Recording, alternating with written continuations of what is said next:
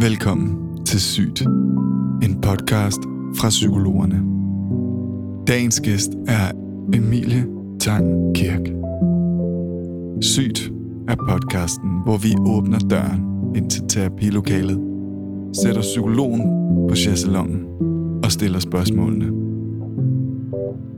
Det gør vi for at fordele den viden, som de har om alt det, der kan være svært at tale om. Og forhåbentlig kan vi blive klogere på os selv og hinanden, og måske endda det samfund, vi lever i.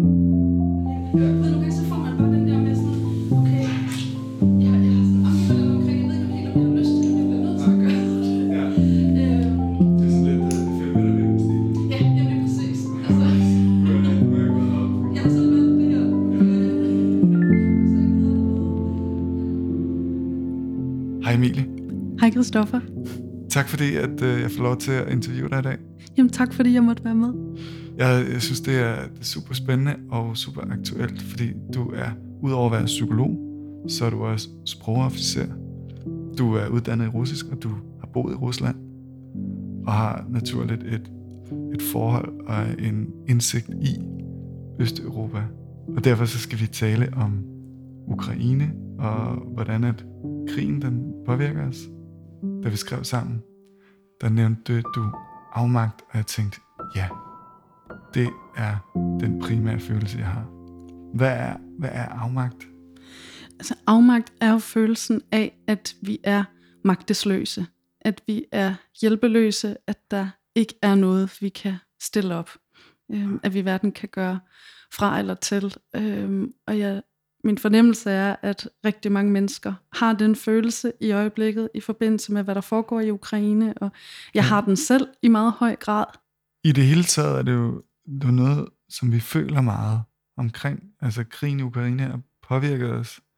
Kan du prøve at hjælpe mig med at forstå, hvad det er, der gør, at vi har så mange følelser, at vi ikke kan lukke af? Ja, altså jeg tror, vi er jo vant til egentlig at blive konfronteret med rigtig mange ubehagelige og svære ting, der sker rundt omkring på kloden, men vi er også vant til, at det er abstrakt, fordi det ofte er geografisk længere væk. Det er noget, vi kan have svært ved at forholde os til. Øhm, altså også fordi vi er i en verden, hvor vi er vant til at øhm, blive konfronteret med nyheder konstant, så er vi måske i en eller anden grad også blevet immune over for det, fordi mm. der er grænser for, hvor meget vi kan hvor meget vi kan tage ind. Med det, der sker i Ukraine, er det noget, som dels er tættere på rent geografisk, øh, og det er mennesker, som i, i sagens natur øh, ser europæiske ud, ja. ligner os af, af, af udseende, og derfor så, så, så kan vi pludselig ikke kigge væk. Nej. Øh, så, øh, så, så kommer det meget tæt på, at vi kommer til at identificere os med, i en eller anden grad, jamen det her, det kunne også ske for os selv. Hvordan påvirker det os ligesom, at at, at vi får de her ting ind, og vi ikke kan abstrahere fra, at, at, det, at det kunne være os. Altså jeg tror, afmagten giver dels sådan en, en følelse af at være fuldstændig lammet, øh, øh, og, og blottet for muligheden for at handle, og så giver det samtidig et stort behov for at handle. Ja. Øh, at altså man kan se, at jeg har selv gjort det, rigtig mange andre mennesker har jo også gjort det på sociale medier i første omgang, at man man tilkendegiver sin, øh, sin solidaritet med Ukraine, og man øh, sætter det ukrainske flag på sit profilbillede, og øh, man øh, poster opslag, øh, hvor ja. man viser sin solidaritet. Øh, og der er jo mulighed for at donere penge, det er der jo også rigtig mange mennesker, der har gjort. Ja. Øh, og der har jo også været en del historier i medierne om, at folk har doneret rigtig mange ejendele, altså ja. øh, tøj og øh, madrasser og øh, førstehjælps øh, toiletartikler, og det er jo, det er jo super fine initiativer. Ja. Øh, og samtidig har jeg også øh, hørt nødhjælpsorganisationer sige, at øh, det er rigtig fint, at de gør det, men, men det er faktisk bedre, hvis, hvis folk donerer penge eller overlader det til nødhjælpsorganisationerne, ja. øh, og, og gøre arbejdet, fordi de er vant til at gøre det. De er vant ja, ja. til at, at fordele arbejdet, og øh, ja, de har simpelthen mere erfaring med det. Fordi det er svært at bare se til, og det er svært at kontrollere, i hvilken grad man skal se til. Jeg tror, vi kender alle sammen følelsen, du beskrev den selv, af at man føler sig obligeret til at følge med. Nogle gange til en grad, hvor at man fuldstændig bliver kørt flad af det. Hvad er det, der sker mellem den her obligation til at følge med, og når vi prøver at tage det hele ind? Altså jeg kan mærke hos mig selv, fordi jeg, og jeg har egentlig været vant til i lang tid, ikke at følge for meget med i nyhederne, og det er ikke fordi, jeg er ligeglad, eller jeg ikke er interesseret i, hvad der foregår ude i verden, men netop fordi jeg kan mærke, hvad det gør ved mig at følge for meget med. Ja. Fordi nyhederne jo ofte handler om alle de, de værste ting, der sker på kloden. Ja. Øhm, og jeg kan mærke, at i den her situation med Ukraine, så, så kan jeg pludselig ikke lade være, fordi jeg oprindeligt har beskæftiget mig en del med Østeuropa, og det er noget, der sådan personligt ligger mig meget på sinde, så kan jeg ikke lade være med det, øh, med at følge med. Øh, men også fordi det, og det er jo helt irrationelt, men det giver mig på en eller anden måde en følelse af at have kontrol med situationen, når jeg hele tiden følger med på de seneste opdateringer, ja. øh, når jeg hele tiden er, er med på, hvad det seneste der er, der er sket. Øh, og, og ja, jeg føler mig også forpligtet til at følge med, fordi jeg kommer nemt til at føle, at hvis ikke jeg gør det, jamen, så er jeg ligeglad. Ja, ja. Øh, og så fortsætter jeg bare med at, at leve mit liv her med mine first world problems her ja. i, i vores del af verden, hvor der, hvor der er fred, og hvor der ikke falder missiler, øh, og ja. hvor, hvor folk ikke bliver dræbt. Det bliver lidt en oplevelse af, at jeg, at jeg stikker hovedet ind i nyhedsstrømmen, og så trækker jeg det til mig igen en gang imellem. Øh, ja. Simpelthen for, for også at kunne fungere i det liv, jeg er nødt til at leve ja. øh, her i, i den del af verden, hvor jeg befinder mig. Nej, fordi der, der er både noget i, at man har en, en moralsk forpligtelse, og så er der jo der er en balance i det her, fordi der er vel også noget med, at det kan vel ikke være til nogens gavn, at vi udmatter os selv helt emotionelt. Jeg tror, at øh, vi pludselig bliver bevidste om, at hov, det her, det kan ske for nogen, der ligner os rigtig meget. Det kan ske ikke særlig langt for os rent geografisk. Så kommer vi automatisk også til at blive bange for, jamen hvad, hvad hvis det skete her? Ja. Der er jo efterhånden ikke noget, vi kan udelukke, sådan som situationen udvikler sig i Nej. øjeblikket. Det, det er mindre sandsynligt, at vi bliver angrebet som NATO-land, tænker jeg. Men, men lige pludselig så bliver, det, så bliver det noget, der kommer meget tæt på, jamen hvad ville jeg egentlig gøre, hvis missilerne pludselig regnede ned over København. Ja. Øh, hvor, vil jeg, hvor vil jeg søge hen, og hvad vil jeg tage med mig? Ja. Øh, jeg vil, øh, øh, jeg vil sørge for at tage nogle få ejendele med mig. Øh, ja. Noget af det mest basale, øh, nogle penge, øh, hvis det kunne bruges. Øh, min mobiltelefon, min kat. det ser vi jo også rigtig mange ukrainere gøre. Altså, de har deres kæledyr med sig. Altså, Så måske øh, nogle af de argumenter, vi har brugt over for os selv, for at holde øh, verden lidt i strakt arm og forstå de kriser, som man ikke kan begribe, har været, det kan ikke ske for mig, for de ligner ikke mig. Mm. Eller det er en verden, der ikke er min verden. Og nu foregår det i en verden, som er så tæt på vores verden, at man ikke kan abstrahere fra det. Det tvinger os til at måske at forholde os til flygtninge, ja. og sætte sig i flygtninges sted. Ja. Der var jo, altså da, da vi så de, de syriske flygtninge komme op gennem Europa, og også da de kom til Danmark, så var der mange, som havde som automatreaktion, at jamen, hov, de har mobiltelefoner, de har værdigenstande, ja. eller de kan da ikke være flygtninge. Og jeg tror, at der er sådan nok en, en stærk stereotyp om, hvad en flygtning er. Altså ubevidst ja. hos mange af os, ja. at en flygtning måske er en, som er i laset tøj og snavset ja. og forhudlet og, og ingenting ejer men når vi lever i et moderne verden, og pludselig er nødt til at flygte fra, øh, fra angreb og fra missilnedslag, jamen så, så kan man sagtens se vestlig ud og være, ja. og, og være vestlig i en eller anden grad, øh, og have mobiltelefon, og have moderne tøj, ja. og have øh, helt moderne, øh, basale vestlige fornødenheder. Ja. Men det, det er vi bare ikke vant til, og vi kan ikke, vi kan ikke rigtig tage det ind. Vi kan ikke rigtig, øh, vi kan ikke rigtig forholde os til, at det faktisk kan være sådan. Der er vel også en anden ting, som gør, at vi i højere grad kan identificere os med ukrainske flygtninge. Altså hele situationen omkring Rusland, som har forandret sig. Og den her kune, øh, bølle, øh, retorik og måde at lave diplomati på, der tvinger folk til at gå med på en voldelig og militant strategi lige pludselig, er jo meget svært for os at forstå som fredselskende, pacifistiske mennesker. Hvad gør det ved os? Altså, jeg tror, min generation, øh, dem der er lidt ældre end mig, og dem der er yngre end mig, vi er jo alle sammen sådan med et lidt klichépræget udtryk, vi er børn af murens fald. Altså, mm. vi, vi, vi er født og opvokset i en tid, hvor øh, hvor der var fremgang, og, øh, og hvor, øh, hvor krig og, øh, og kold krig var noget, der, der lå bag os, og fremtiden kun bestod af fred. Det er også lidt blevet en sovepude, mm. øh, eller en slags tornerosesøvn, som vi så er blevet ved med at være i, i den vestlige verden, fordi det er jo det er jo heller ikke lige pludseligt, at Ukraine er blevet invaderet. Det begyndte jo faktisk allerede i 2014, da russerne annekterede Krim og, og støttede øh, de her ja. separatister i, i det østlige Ukraine. Så, så det er jo ikke fra det ene øjeblik til det andet, at det her er sket. Øh, der har været mange faresignaler, det her har egentlig bygget op over lang tid. Men i Vesten er vi slet ikke vant til at tænke sådan. Altså, krig er noget, der ligger bag os. Øh, og det er jo også derfor, vi har EU, det er derfor, vi har NATO, at det er jo øh, bygget oven på, på tiden efter 2. verdenskrig, hvor det her, det vil vi ikke mere.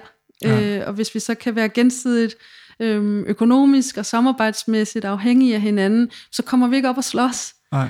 Øh, men russerne, eller i hvert fald Vladimir Putin, har en helt anden dagsorden øh, og spiller, spiller et spil, som for os hører fortiden til. Ja. Øh, og tvinger nu Vesten, primært Ukraine, men jo i sidste ende også Vesten, til at spille et spil, vi ikke vil være med til. Ja. Øh, byder op til slåskamp, eller starter en slåskamp, som vi ikke har lyst til at slås. Ja. Øh, men ikke desto mindre, så, øh, så er den i gang.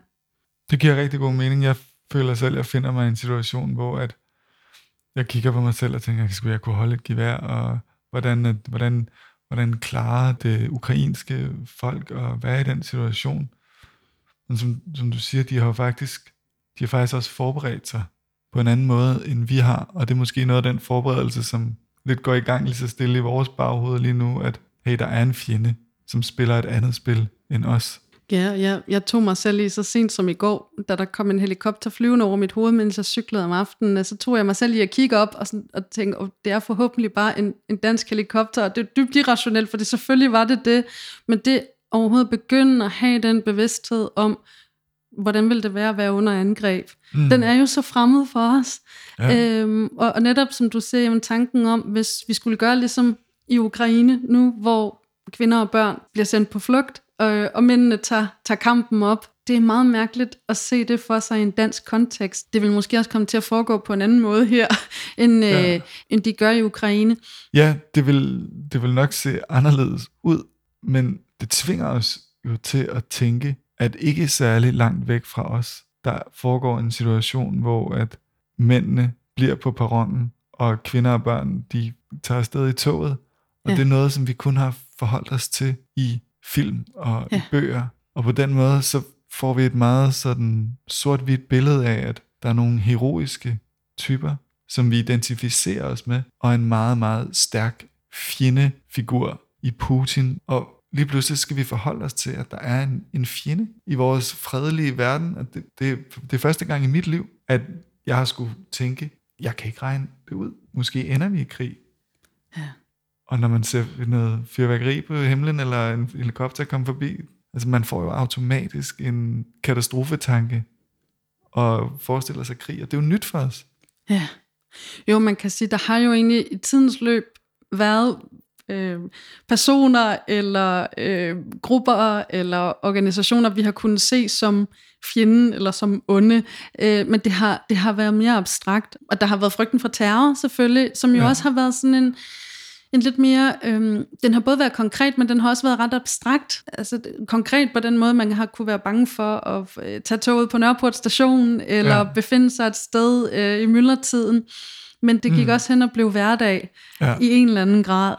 Øhm, så det er rigtigt, at den her, den her massive, øhm, massive aggression, øh, som, som, som pludselig kommer fra øst, det, det føles jo som noget, der, der hører en anden tid til, og nu er det pludselig meget, meget virkeligt. Og der opstår også noget næsten arketypisk i det, altså det, at der er de gode og de onde, og, og det er jo heller ikke, fordi det er helt løgn. Altså Putin er en, en, en aggressor, øh, og, og spreder død og ødelæggelse og, og destruktion. Ja.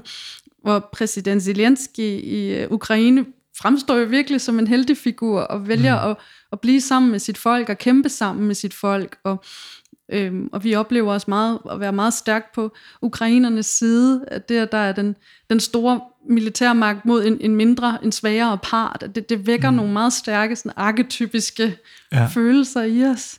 Og det er jo heller, det er jo heller ikke tilfældigt, at det resonerer med nogle historier, vi fortalte, fordi det er jo en gentagelse af en kold krig. Altså, det er jo et ekko. Jo, og på nogle punkter er det her jo skrækscenariet fra dengang den kolde krig rent faktisk eksisterede. Altså, fordi her er angrebet lige pludselig. Ja. Her er der pludselig en, øh, en, suveræn stat, der bliver angrebet med øh, missiler og kampvogne og, og soldater. Øh, altså, der var jo selvfølgelig under den kolde krig nogle forskellige... Øh, øh, hændelser. Der var, øh, der var Ungarn i 1956, og der mm. var Tjekoslovakiet i 1968, hvor, øh, hvor de sovjetiske tropper jo rykkede ind. Men, men det her med en... Øh, og jo, og der var Afghanistan i, i, i 10 år, fra 79 til 89, hvor, øh, hvor Sovjetunionen jo bekrigede øh, mujahedinerne. Øh, men det her, det er jo, det er jo skrækscenariet fra den kolde krig, ja. at, at et, et land som som nu øh, vender sig mod Vesten, eller forstår sig selv som et, et mere vestligt land, bliver angrebet ja. øh, af fjenden fra øst.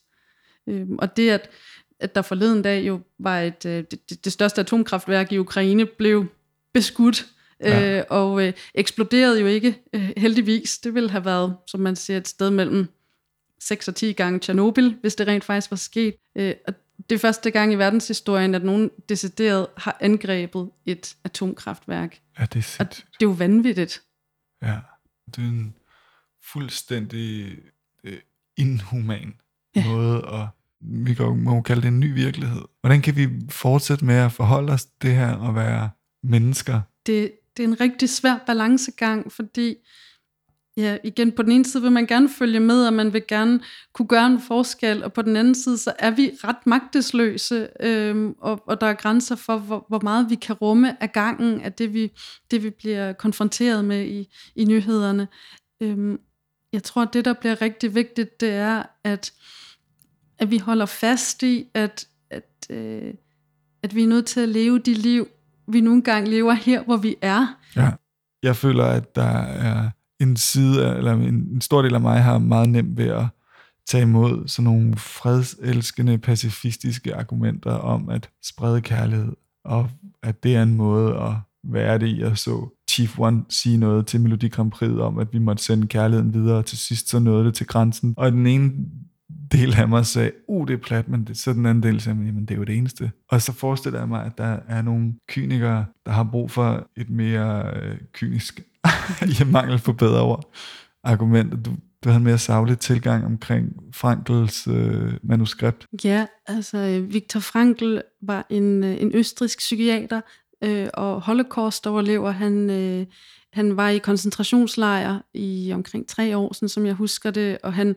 han mistede alt. Han mistede sin, sin familie, sin, øh, sin gravide kone. Øh, det, det fandt han først ud af senere, men hele hans familie øh, gik til øh, i, i koncentrationslejre.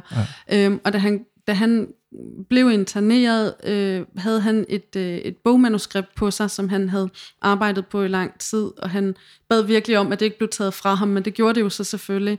Øh, så alt blev taget fra ham, og i de år, hvor han var i koncentrationslejren, så blev han meget bevidst om, hvad det var, der fik ham og andre til at overleve endnu en dag, og i sidste ende overleve øh, det at være i koncentrationslejre det hele taget. Som han sagde, det at at holde fast i, at der er en mening med livet, eller kunne finde mening i livet på daglig basis, selvom der ingen mening er. Altså, mm. Fordi det er, jo, det er jo meningsløst og redselsfuldt øh, at have været i en, i en koncentrationslejr. Men han holdt blandt andet fast i at genskabe sit manuskript øh, ind i hovedet, øh, mm. og ligesom skrive det, øh, skrive det inde i sig selv.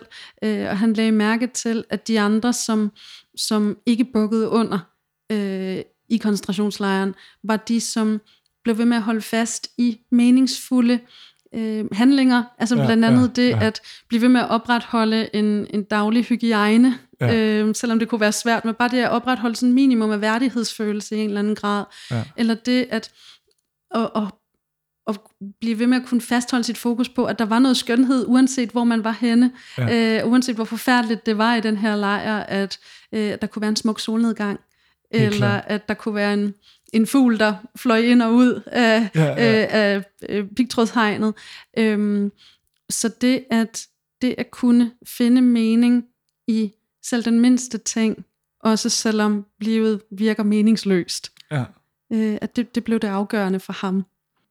Altså det, jeg har hørt dig sige, at vi skal være i det, og gå ud af det, og vores moralske obligation til at forholde os til krigen, den må vi lytte til, men vi må også beskytte os selv, så vi kan indse, at det på en eller anden måde også er et maraton, den her nye verden med Putin som en aggressor. Er det rigtigt forstået? Ja, og, og, og selvfølgelig er det jo rigtigt, der er ikke nogen af os, der heldigvis lever i en koncentrationslejr, så, så det kan godt virke som sådan en bombastisk sammenligning, men, men netop det, at, at vi hver især kan holde fast i, at der er en mening i vores tilværelse, eller kunne, kunne være, øhm, uden at det skal komme til at lyde som en kliché, men at kunne være de bedste udgaver af os selv i de liv, vi lever. At huske på at leve sit eget liv, og, mm. og være noget for de mennesker, der betyder noget for en i ens liv. Ikke ens betydende, men man så er ligeglad med, hvad der foregår i Ukraine. Men det, at vi jo kun, vi jo kun kan leve det liv, vi nu engang lever her og nu. For mig kan det godt føles som sådan en, jamen næsten sådan en dobbelt bevidsthed, eller der, der hele tiden er en del af min opmærksomhed, der er i, at der sker det her i Ukraine her og nu, men er jeg også nødt til at trække den lidt tilbage en gang imellem, og, og, og huske på at, ja, at leve mit liv, øhm, så godt jeg nu kan, her hvor jeg er. Det giver mening. Det synes jeg, det synes jeg er en meget vigtig pointe. Og den er jeg rigtig glad for, at du vil dele. Tusind tak, Emilie. Selv tak. Du har lyttet til Sygt, en podcast fra psykologerne.dk. Jeg er jeres vært, Christoffer Hørbo. Tak fordi